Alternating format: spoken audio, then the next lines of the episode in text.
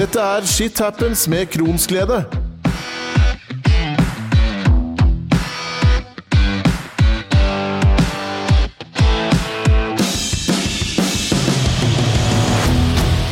Endelig var det tid for å samle IBD-gjengen min igjen.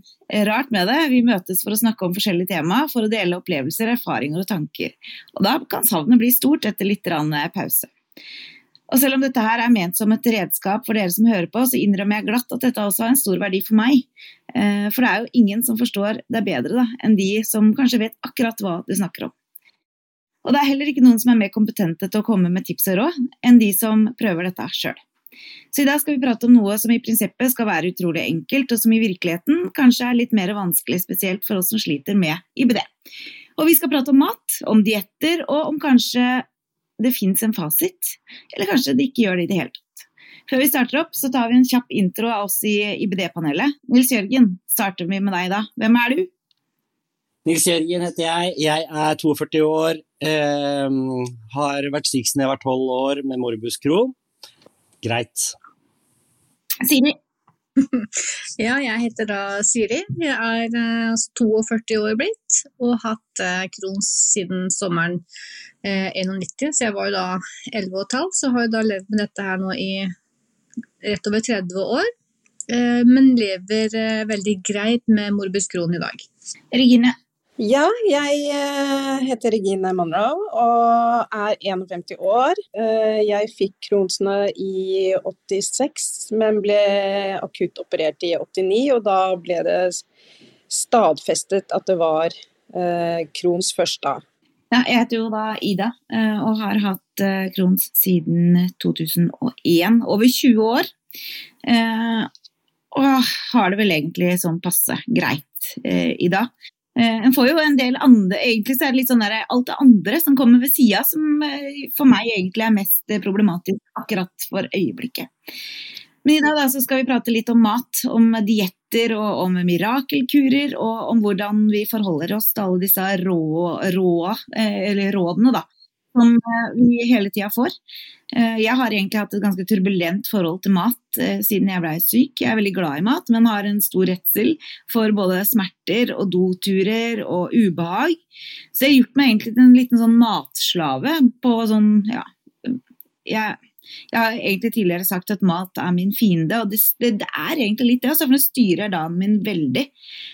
Og da lurer jeg litt, hvordan er deres forhold til mat? Jeg begynner med deg, Regine. Hvordan hvordan forholder du deg til maten?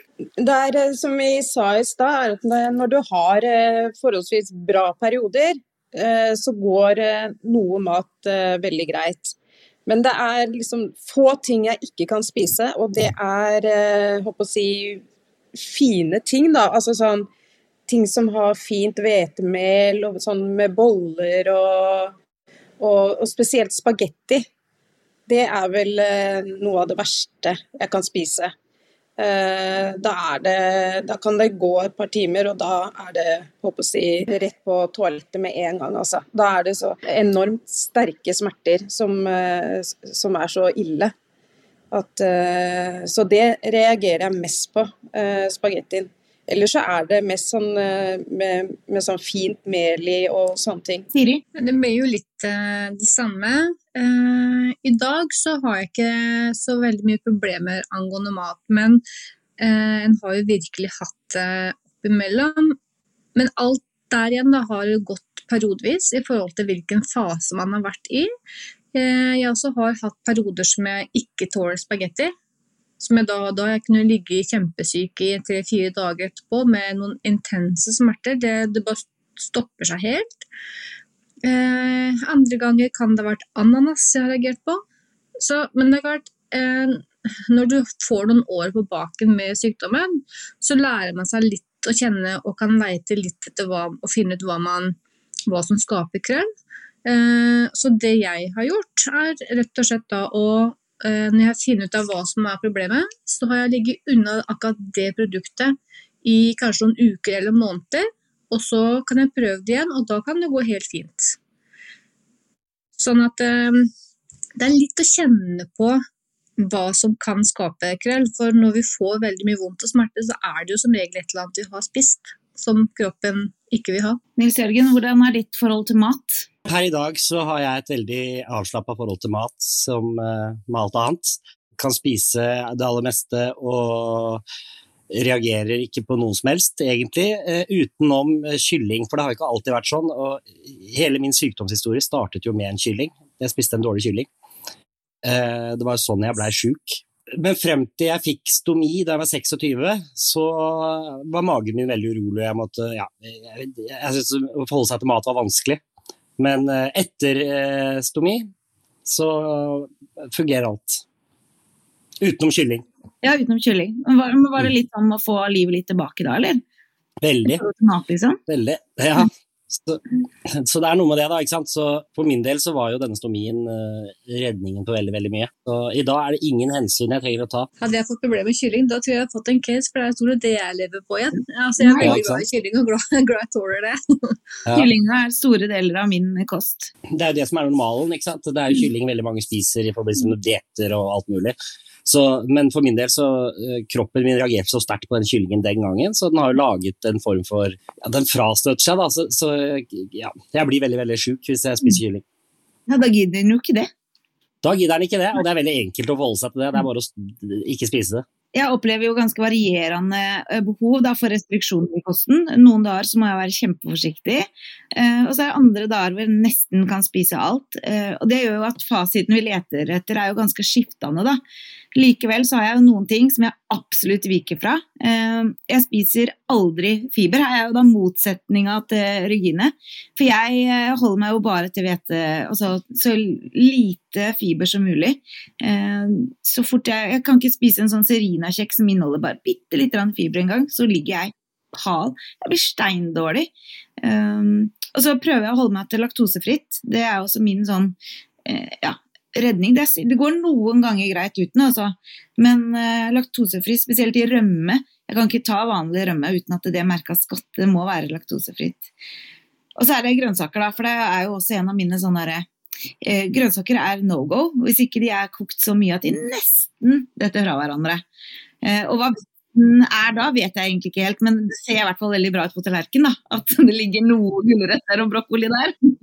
Eh, og så er det også frukt. Det er også stort sett må holde meg unna det Altså, Det er veldig lite frukt jeg tåler. Jeg kan ta litt druer, men da må de være eh, uten eh, steiner. Og så helst ikke spise skinnet. Eh, og nå har jeg liksom sagt litt av mine vaner, hva jeg ikke kan spise. Vel å merke. det hadde vært egentlig lettere å sagt hva man kunne spist, eller hva jeg spiser. Men eh, dere, hva er det dere holder dere fast unna? Har dere noe som dere fast holder unna? Nå vet jeg at Nils Jørgen, der er det én ting, det er kylling. Eh, men eh, Siri? Nei, ikke nå lenger. Nei? Um, Livet mitt før var jo mye prega at jeg måtte ligge unna en del Mm. eh, periodevis. Men, eh, men nå som sagt så, så lever jeg ganske greit med Kronsen, for den er inne i en Den har tatt seg en liten pause.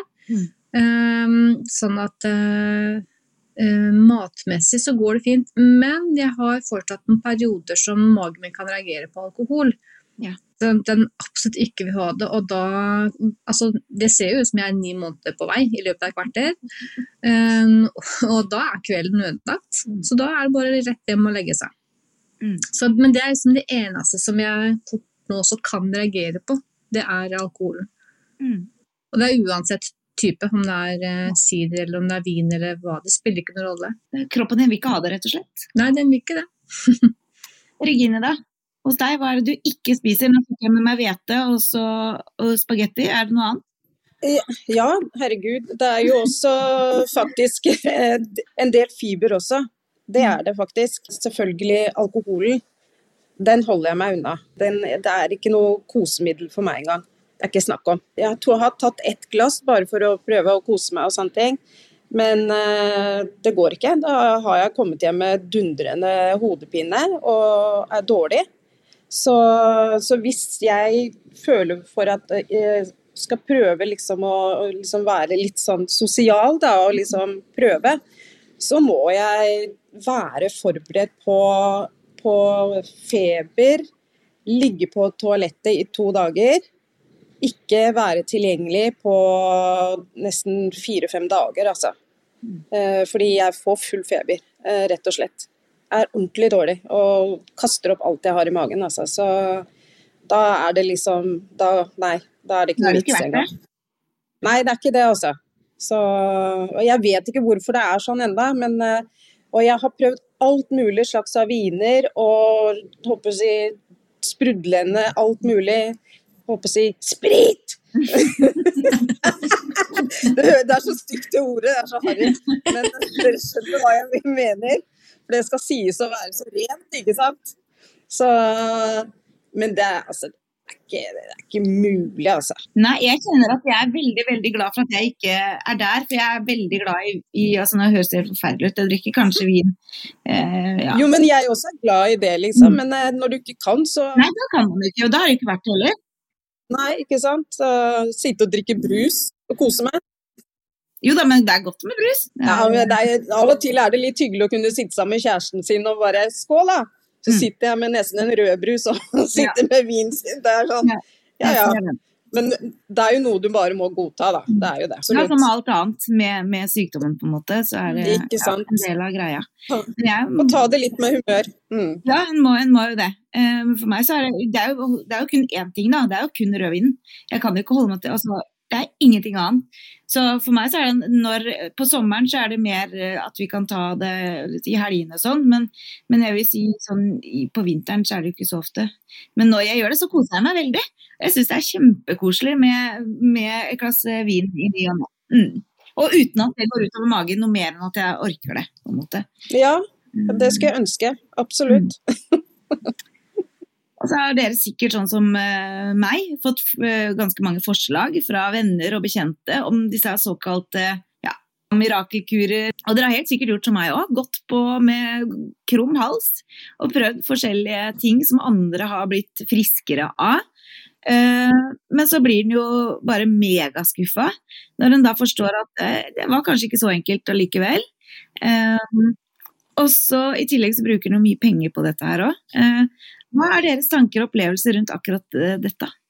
Eh, Siri? Altså, jeg vet ikke, jeg syns det er eh, eh, Det er nok i utgangspunktet kun velment av de der ute som prøver å si ja, men du kan jo ikke spise sånn, eller du kan jo ikke drikke sånn, du kan ikke gjøre sånn.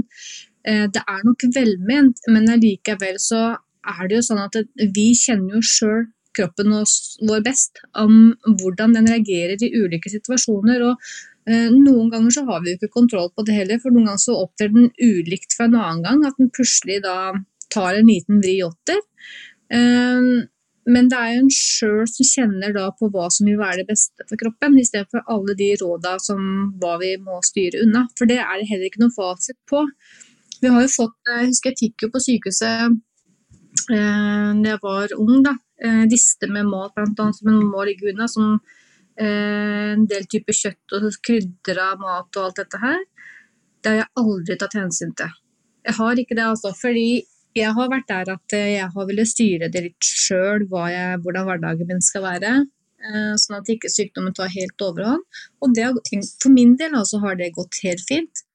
Um, og er det perioder igjen da som ikke klarer enkelte ting, ja vel, da legger man det bare litt på hylla, og så kan man ta opp tråden igjen seinere. Sånn at de rådene fra folk eh, rundt, sikkert velment, men kanskje ikke alltid det slår så veldig godt an. da. Regine, har du eh, opplevd disse forslagene om mirakelkur og ja, Åh, diettene? ja, eh, faktisk mange av de. Og jeg har Mm. eh, også fått de på, på Messenger også. Ja. Som, og det er jo altså da, Det jeg begynte bare å le da, altså. Det er sånn Det blir for dumt, rett og slett. Eh, og så er det noen man kjenner som kommer med eh, Og som du sier, Siri, det er bare velment. Det er jo det. Men det er veldig slitsomt å høre det veldig ofte også. fordi når du vet historien din, og du er et voksent menneske, og du har hatt det siden du var tenåring, og så eh, kommer de med disse rådene, og da tenker jeg sånn Men nå har jeg hatt det siden jeg var tenåring. Tror du virkelig ikke jeg har prøvd alt? Tror du virkelig ikke jeg har gjort det? Tror du jeg omtrent bare har sittet på rumpa og, og ikke prøvd å bli bedre? Det er, det er det jeg har lyst til å si, men jeg sier jo det ikke. Men det er bare sånn Hallo! Jeg vil jo ikke være sånn. Hvis det hadde vært så enkelt, da. At det var en spis grønnkål, eh, sila Hvis det Hadde vært så enkelt, så hadde jo legene latt mennesker dø. Ikke sant? De hadde ikke latt oss lide sånn som dette her hvis det fantes et eller annet som Og det, har på en måte vært min sånn eh, svar på dette her, at vet du hva, eh, jeg tror ikke det er så enkelt, og jeg velger å bare kutte det litt ut. Eh, Nils Jørgen, har du, eh, har du hørt noe om dette her? Nei, ja da, jeg har hørt masse om det, men jeg har ikke, sånn, jeg har ikke blitt introdusert direkte jeg for noen mirakelkur eller noen sånn type ting. Men det som jeg har lyst til å legge til, er at jeg er jo veldig imot, spesielt fra helsepersonell, at de kommer med En ting er råd, når de kommer med ting som du ikke må gjøre, f.eks. Når de setter begrensninger for deg. Det har vi snakket litt om før i forbindelse med alkohol og de tingene også. Det er det samme med mat. Eh, Når jeg eh, fikk utlagt tarm, så fikk jeg en eh, smørbrødliste over ting jeg ikke måtte spise. For da ville jeg få Ikke sant? Og så er, viser det seg at det for min del bare er tull og tøys. Så, så Vi er forskjellige, som dere er innom her. Så, så ja. Vi kjenner kroppene våre sjøl og må prøve å feile litt, og så finner vi ut av hva vi kan og ikke kan. De der nei-listene de kan føre, være, virke liksom mot sin hensikt. Da. De skaper liksom begrensninger. Vi har så mye begrensninger fra før, eller veldig mange har jo det. Og det å få enda mer nei, dette kan du ikke, det kan faktisk eh, være eh, ja, ikke være til hjelp, da. Det kan heller være til det motsatte. Ja, altså Hvis jeg skulle fulgt den listen, så hadde jeg, ikke, da hadde jeg jo ikke hatt et liv. Altså, da hadde jeg ikke da, da, altså, da, det, det kan du bare glemme. Da hadde jeg ikke kunnet kose meg eller Da kunne jeg bare sittet i et hjørne og surmult altså, for resten av livet. Bare glem det. Da velger jeg heller de fightene jeg må ta av og til, altså. For å spise en god middag og, og sånne ting. Så, så av og til går det greit, og noen ganger gjør det ikke. Men jeg gjør heller det, altså, faktisk. Så er det også det at det er jo ingen av oss som ønsker å oppsøke frivillig hele tida situasjonen som gjør at vi blir ramdårlig. Sånn at det, vi, vi prøver så godt vi kan å ta vare på egen kropp og helse, så at vi kan fungere eh, best mulig i hverdagen. Um, og råd eller ikke, så er det, er det kroppen som forteller oss litt hva vi skal være med på. Altså. En føler jo nesten at eh, vi blir litt sånn umyndiggjort med alle disse eh, rådene òg, ikke sant. Det er Litt sånn der, jeg tror Mm, virkelig ikke at vi kan dette selv. Det er jo vi som lever med dette her. Um, apropos det du sa, Regine, i forhold til uh, at noen ganger så tar man et valg. Um, Ja. jeg har gjort det flere ganger. Jeg vet konsekvensene av hva jeg spiser, men noen ganger så er det faktisk fint verdt det. Uh, man lever én gang, og så lenge man sjøl er klar over hva det ender med, og at man står i det sjøl uten at det plager så veldig mye andre mennesker, så, så tenker jeg at det er helt greit. Jeg vet ikke, jeg er sånn f.eks. til jul, da, så spiser jeg eh, eh, hva heter det, sånn rispudding eller sånn riskrem til jul. Selv om jeg vet at dette her fører til at første dag for meg ganske, ja, der, ja, eh, ganske slitsom. Men jeg vet ikke, hvordan er det for dere? Gjør dere noen sånne ting innimellom? Eh, en har jo gjort det Mm. eh, tidligere. En, fordi at man vil, jo, man vil jo prøve, ikke sant. Kanskje går bra den gangen her. For at selv om du kanskje kan reagere på Si det er eh, eh, riskrem, da. Så er det ikke sikkert du trenger å reagere, reagere på det hver gang. For det kommer an på hvordan da det står til timingen akkurat den dagen, som vil fortelle deg om, du, om det går drit eller ikke. Ja. Så ja, prøv, prøve seg fram hele veien. Jeg har gjort det med hvis datteren min f.eks. har, eh, har liksom eh, vært så snill og lagd noe som jeg jeg ikke tåler og sånne ting. Så har jeg tatt det valget at vet du hva, da tar jeg og spiser den tingen for hennes skyld. Mm. Og så får jeg stå for det, liksom. Mm. Mm. Fordi eh, sånne ting må man, føler jeg at det må, det må jeg gjøre. Mm. For hennes del også. Jeg kan jo ikke avstå fra alt eh, det, jeg det hun lager eller kommer hjem med, eller sånne ting, liksom. Så, så for hennes del så har jeg gjort eh, mye av det. Mm. Så den sykdommen her er jo uverdig nok på mange andre arenaer. Ja. Så Ja. at hvis den på en måte skal frata seg alt av, av livets goder og aldri kan spise sånn eller drikke sånn eller gjøre sånn, altså hva har vi igjen da? Da har vi jo ingenting Ja. igjen. Så livskvaliteten generelt da, i en, i en IBD-sykdom er jo veldig dårlig. Mm.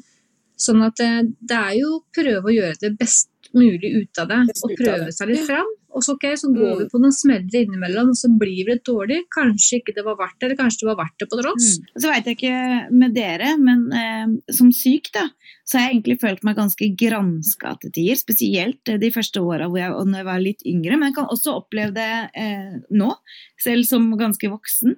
Eh, I middagsselskaper, f.eks. Eh, hvis jeg tok spesielt da jeg var mindre, hvis jeg tok for lite mat, så fikk jeg høre at jeg burde spise mer. Tok jeg for altså en god porsjon, så fikk jeg beskjed om at ah, du burde kanskje spise mindre og litt oftere. Um, jeg kunne få beskjed om at uh, usunn mat burde jeg jo ikke spise hvis jeg tok for mye av det. Og fikk, tok jeg bare, bare uh, altså sunn mat, så fikk jeg beskjed om at du burde kanskje spise litt annen mat, sånn at du kan legge på deg litt. Og så Hele tida har jeg følt meg granska da, når jeg har spist. Um, og det blei faktisk så ille at jeg nekta å bli med i eh, disse familiesammenkomstene eh, når jeg var på, i mine yngre dager. Da. Mm. For jeg grua meg så til å sitte og spise. Altså jeg, det var helt, jeg fikk helt panikk og følte liksom alle mm. blikka var vendt mot meg. Og selv nå da, som voksen så kan jeg faktisk ta meg i å tenke på om andre tenker på hva jeg spiser da, i forskjellige sammenkomster. Kan sitte f.eks. på jentetur, ikke sant? og så tar man til seg mat. Og så kan jeg begynne å tenke tenker de på burde du egentlig spise det der nå, Ida? Sånn kan jeg tenke, og det er helt mm. idiotisk. Men jeg tror mm. når du har opplevd å bli så eh, granska over så mange ganger over så lang tid, da, så sitter det i huet ditt. Og jeg kan altså plutselig bare forklare hvorfor jeg gjør sånn som jeg gjør. da. Eh, til mm. fremmede mennesker. Jeg var på et møte hvor jeg spiste lunsj. Hvor jeg plutselig tok meg i å begynne å forklare hvorfor jeg spiste akkurat da. Helt idiotisk, for hva har de med det? Og de tenkte sikkert ikke på det engang. Ikke sant?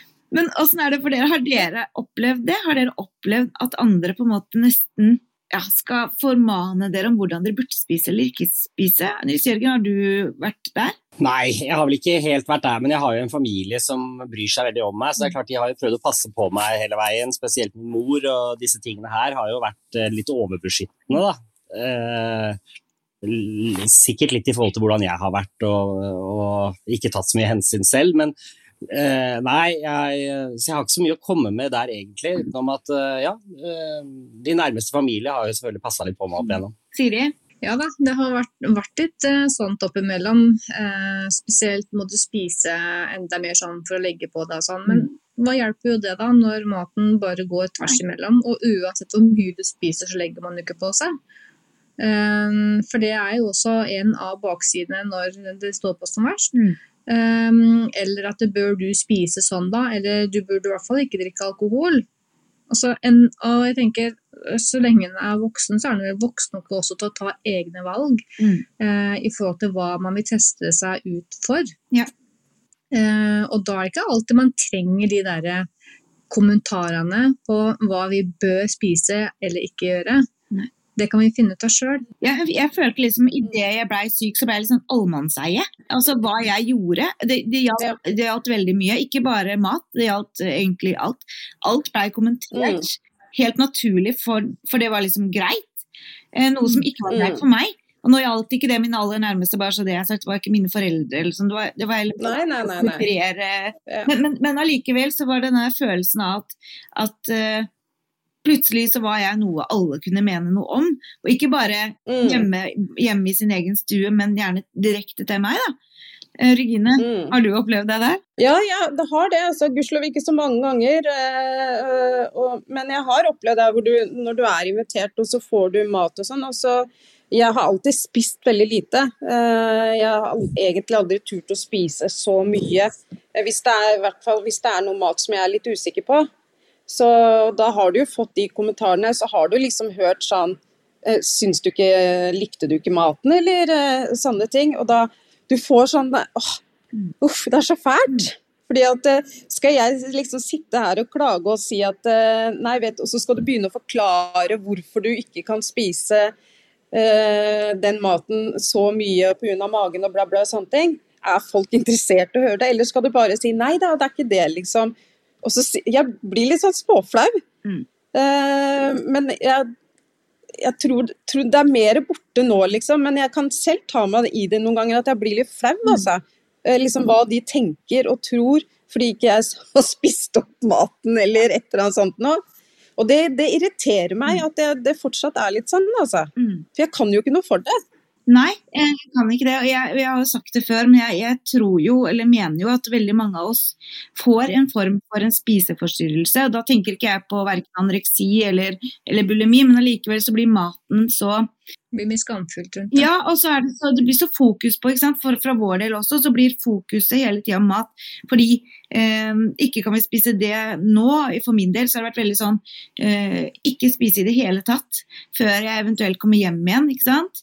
Eh, og da er man sulten, og da blir man sittende og spise aleine, gjerne litt sånn eh, forsiktig, vet at da havner jeg på do. Hele tida så er det overveiing på hva, hva kan jeg spise når. Eh, og valget har ofte da vært å ikke spise i det hele tatt. Eh, og jeg har hørt mange si det, at de, de får en slags form for en spisevegring, rett og slett. da. Men det har aldri vært noe fokus fra helsevesenets side, fra min, hos meg i hvert fall, på, på nettopp den biten. Og det syns jeg er så rart. Har, har mat vært noe dere har fått noe veiledning på? Det er veldig rart at du sier det der, altså, fordi eh, angående spisevegringen og sånn. fordi at den sliter jeg faktisk med den dag i dag. Mm. Eh, jeg kan gå en hel dag jeg, uten å spise, uten noe problem. Ja. Fordi magen min er så vant til fortsatt med å ikke få, få den maten. Fortsatt i dag så spiser jeg kanskje én gang om dagen, og det er middagen. Ja. Fordi jeg tenker ikke på det. det altså Magen min er så vant til det. Mm. Så, og det er litt skremmende, eh, for det, sånn skal det ikke være. Så ikke noe problem for meg, altså. Så, så det er litt vanskelig for meg å komme inn i en sånn rytme. Men etter så mange år så har jeg ikke klart det, altså. Så du, du, du sier noe der, altså. Så det er veldig bra at du forteller det nå, altså. For jeg har ikke fått noe veiledning heller. Så, nei. Nils Jørgen? Når jeg tenker tilbake igjen på, på ungdomsåra mine hvor jeg var eh, ja, veldig syk, så, Mm. så husker jeg det var, når jeg, jeg var så tynn, jeg var så underernært. Så sånn Mm. sett så var det jo, om ikke fokus på mat, så var det i hvert fall veldig mye fokus på næring. Mm. Uh, og jeg blei Mm. jo lagt inn i lange lange perioder hvor jeg fikk sonder, og bare for å liksom på en måte få hvilt tarmen og få, få, få i meg næring. Mm. Så, sånn Mm. sett så var det jo veldig mye fokus på det. Men det var ikke så mye fokus på hva jeg kunne spise eller ikke spise, altså den type tingene. Men Mm. jeg husker jeg gikk til en ernæringsfysiolog, eller jeg ble sendt til det pga. som skulle prøve å feite meg opp litt. Mm. Eh, eh, så husker jeg jeg fikk noe pulver som mamma skulle legge i sausen hun lagde til meg. Altså, for at jeg skulle liksom få på meg få noe kjøtt på beinet. Så, så, så, så jeg husker jo at det var fokus på det. Men, eh, men ikke nødvendigvis eh, hva man kan spise og ikke spise. Nei, ikke sant? Siri? Det jeg eh, kan huske å ha kjent litt på, er eh, litt sånn eh, skam. Siden jeg har vært hos legen, da, og så har han kanskje spurt da litt rundt mat, og spurt da hva han har spist, og men han har latt være å spise de ulike tingene som de anbefaler at man ikke skal spise. Og så veit jeg med meg sjøl at jeg har spist det, og så skal da sitte og si at jeg har spist sånn og sånn. Mm. Det, det var aldri noen god følelse som, som tenåring, ungdom, å skulle Mm. sitte og si For du, da føler du deg veldig liten, da. Mm. Fordi at det, det har liksom ikke I hvert fall ikke sånn som det har vært før. Da. Jeg veit jo ikke helt hvordan det er nå på de tinga der. Men, men før så var det jo veldig fokus da på hva man ikke skulle spise. Eh, og hvis man hadde da spist noe av det, da kan vi bare takke oss sjøl. Det blir litt sånn, og det syns jeg blir Mm. veldig feil fordi at eh, sykdommen opptrår veldig ulikt fra person til person. Og fra dag Mm. til dag. Så igjen, det er ikke den fasiten. Eh, man kan sikkert ha noen anbefalinger og noen retningslinjer å, å gå etter. Men det betyr jo ikke at man skal følge dette her til punkt og prikke. Man må kjenne Mm. kroppen sin og bli vant til hvordan den reagerer. Men, Mm. men det er jo gjerne et problem da, i det du blir, eh, altså i det, spesielt idet du får en ny diagnose. Så det vi vil, er jo nettopp å følge ting til punkt og prikke. Ikke sant? Fordi vi, vi tenker jo at eh, åh, nå, skal jeg, nå er det mitt ansvar for å bli friskest mulig. Eh, og så blir man jo gjerne litt sånn manisk, spesielt i starten, på å følge alt slavisk hele tida. Mm. Og det er ikke sunt. Jeg tenker at Fokuset til de som følger oss opp, må være heller litt motsatt. Gi oss heller den derre Vet du hva, her har du fått en sykdom som Det, det fins ikke noe fasit. Her må du prøve og feile, men for all del, ikke stopp og lev. Det er liksom greia jeg? Så jeg føler at det er veldig sånn eh, sånn dramatisk, hvis du kunne tenke deg en sånn filmscene hvor de bare slår en bok i bordet, og vær så god, har du fått en diagnose nå, tar de fra deg alt glede her i livet. Sånn er det jo ikke. Nei. Det er jo heldigvis ikke sånn. Men jeg husker jo en gang hvor jeg var innlagt, det er jo noen år siden, 15 år siden, tenker jeg, eller noe sånt, eh, med et oppbluss, og da var det jo vekta mi da, som var igjen et tema, jeg var jo altfor tynn. Eh, og da husker jeg det ble bestemt at jeg skulle få besøk av en ernæringsfysiolog på rommet. Eh, og det her er jo som sagt da 15 år siden, så jeg håper jo ting har blitt bedre nå. Eh, Men det var en skikkelig merkelig opplevelse, for den dama som kom inn med liksom vekta under armen, eh, og en bok, fikk jeg huske, eh, hvor jeg skulle skrive opp alt jeg spiste. Eh, Hun, hun, jeg tror egentlig hadde veldig lite kunnskap.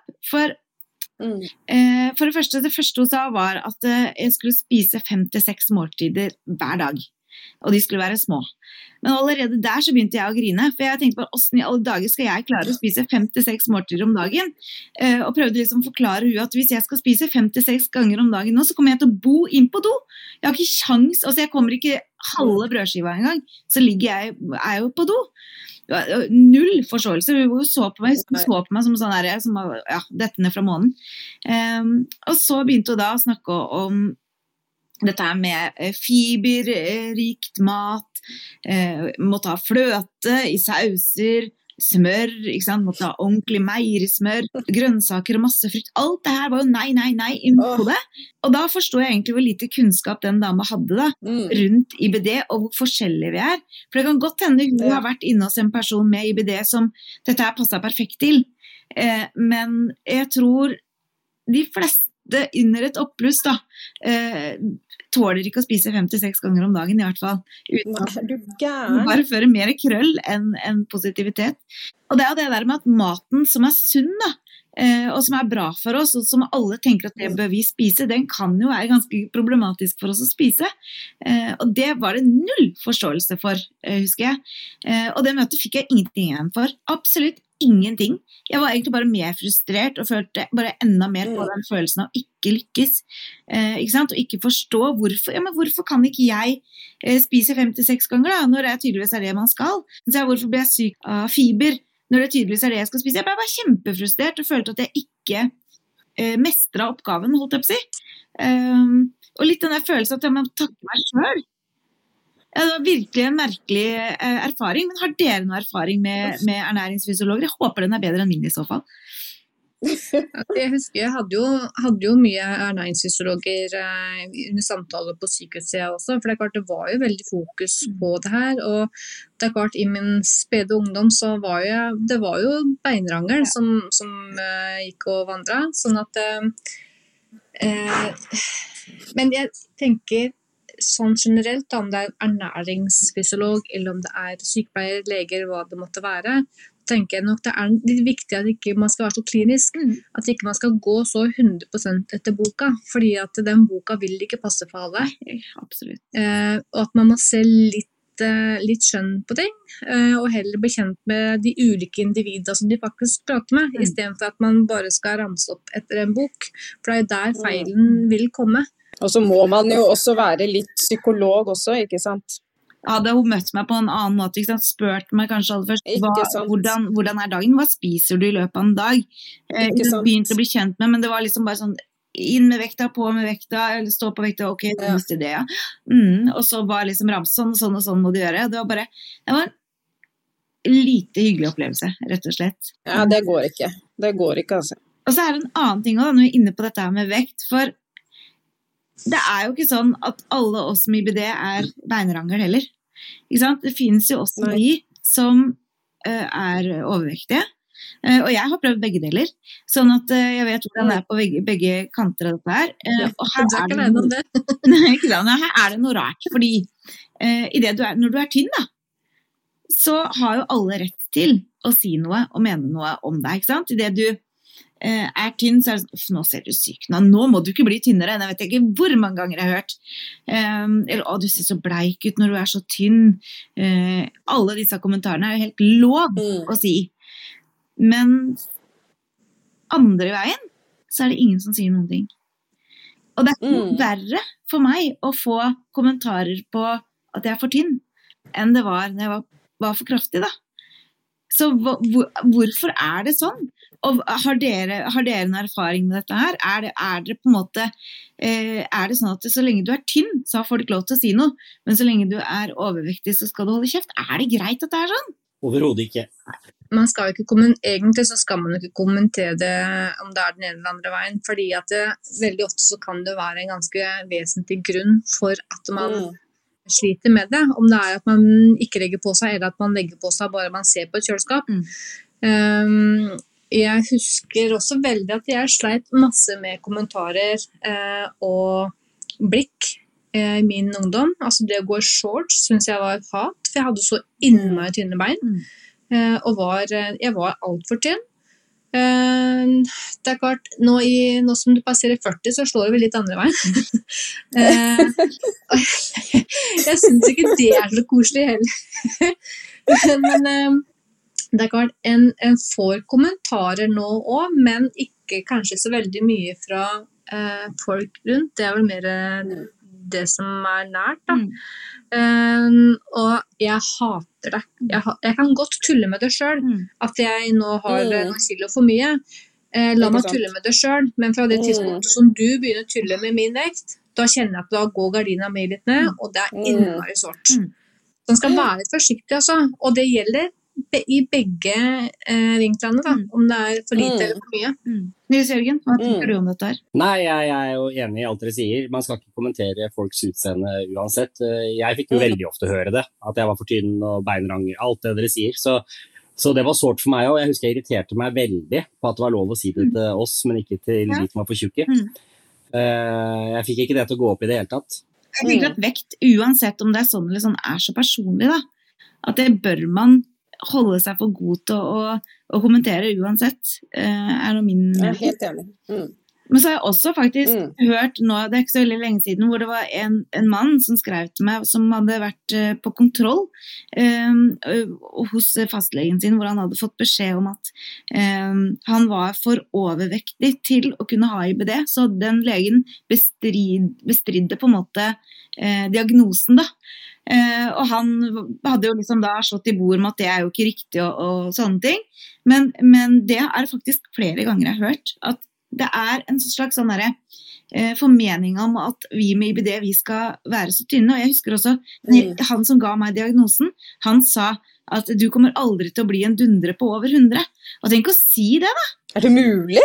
Vi er forskjellige, og det er helt sant. Altså det, det, jeg tenker at det som, som leger eller som eh, det, det, Vi er forskjellige. Nei, Tenk på alle medisinene som vi må ha i oss òg, da. Gjør jo i perioder at vi kan legge på oss mye. Man kan jo virkelig ikke si sånne ting. Jeg tenker at Hvis folk driver og sier noe om hvordan vi ser ut eller hva vi spiser, eller bør det ikke være greit å si at vet du hva, dette her er mitt private altså er, Her må jeg få lov å bestemme meg sjøl. Det er på din egen kropp, ja, kanskje? rett og slett. Fei for din egen dør, som de så fint sier. Men eh, før vi avslutter, da, så tenker jeg jeg må jo spørre dere, sånn som jeg alltid gjør.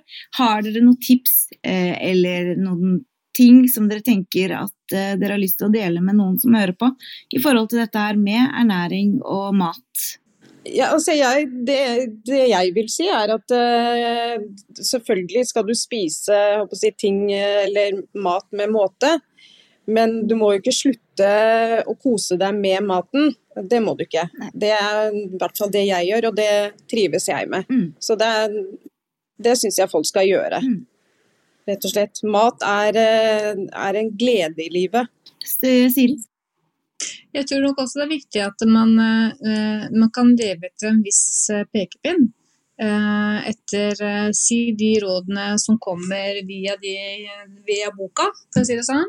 Men, men finne sin egen sti. Eh, men Mm. men det er nok viktig å prøve også eh, spise så tålig sunt man kan, og ikke bare sitte etter søppelmat. Eh, Mm. Men man skal kose seg også. Sånn at Mm. Prøve også å være flink i uka i, imellom. Og ikke, da tenker ikke jeg i forhold til vekt og sånne ting, men litt sånn helsemessig også. For det er viktig at vi tar vare på den oppi dette greiene her også, ikke bare eh, kroppsproblematikken, men, men helsa vår. At vi får i de Mm. riktige vitaminer og mineraler og alt det som kroppen faktisk trenger. Og så må man finne veien sin ut av om hva den vi tåler og ikke. Mm. Og det må man finne ut av sjøl. Det kan jo ikke noen andre si at ja, men det tåler du ikke, det Mm. kan du ikke spise. Helt enig. Nils Jørgen? Uh, ja, føl deg fram. Uh, gjør dine egne erfaringer, og ikke nødvendigvis ta alt du hører eller lærer om for god fisk. Mm. Eh, Mm. og så har jeg lyst til å også, også, si noe til hvis det er noen pårørende som hører om, som kanskje har noen unge eller tenåringer eller et eller annet som sliter med sykdom. At eh, Forsøk å ikke ha for mye fokus på det, ikke ha for mye tvang. Mm. Eh, prøv å gjøre det på en så hyggelig måte som mulig. Mm. Finn løsninger. Ja. Mm. Jeg at Det, det er et Mm. veldig godt eh, tips, for det, det er jo pårørende Mm. som ofte De vil oss så godt, ikke sant? Eh, men eh, ja, vi, vi er jo avhengig av dem absolutt på alle, og spesielt når man er ung. Og det er gjerne dem som lager maten vår også, så det er jo Mm. kjempeviktig det du sa der. Uh, mitt tips må nok egentlig være at uh, i hvert fall noe jeg gjorde sjøl, i den fasen hvor man prøvde å finne ut av hva man skulle spise, eller hva man tålte og ikke tålte, det var å, å lage en liten liste. Først så hadde jeg ting som var ganske enkelt og greit, og så begynte jeg å tilføre én og én ting for å se om det gikk greit eller ikke. Eh, og så er det jo sånn at i, i dårlige perioder så spiser jeg veldig lite variert. Eh, da er det på en måte det faste, vanlige kylling på loff eller kylling og, og potet. ikke sant? De vanlige tinga som jeg vet jeg tåler. Mm. Og så, når jeg er i en bedre form, så utvider jeg og prøver meg fram. Og så vet man jo hva man får. Eh, så det er jo kanskje det aller viktigste her, er å vite at man, når man prøver seg fram, så må man ha tilgang til den doen. Og mat og ernæring har vi jo alle et forhold til. Vi prøver og vi feiler og håper å finne løsningen av hvordan vi kan spise da, uten å få konsekvenser.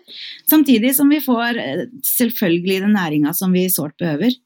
Eh, Og noe felles quick fix eh, finner vi nok dessverre ikke, og kanskje er løsninga nettopp der. Om vi alle hadde helt fra starten av fått en tydelig beskjed da, om at her finnes det ingen mirakelkur, og at vi selv da må prøve å feile, og at du tåler det eh, du tåler i dag, og nødvendigvis ikke tåler det likt neste måned.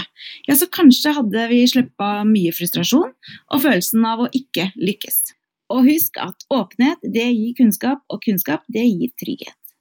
Takk til mitt fantastiske idépanel, dere er rå. Takk skal Du ha. Bare hyggelig. Hyggelig. Om du sitter og lurer på noe nå, om enten denne episoden eller har generelle spørsmål om podkasten, ris og ros, ønsker om tema eller kanskje en historie du ønsker å dele, så send meg en mail på kronsglede, alfakrølloutlook.com. Du finner meg på Facebook som Kronsglede, på Instagram som shithappens, understrek kronsglede. Lik begge sidene på sosiale mediene, så får du linker til podkastepisoder, nyttige linker om IBD og innblikk til, i min hverdag som kroniker. Til vi høres igjen, det er viktig med ernæring, men aller viktigst er det å ha matglede. Shit happens med Kronsglede i samarbeid med Takeda.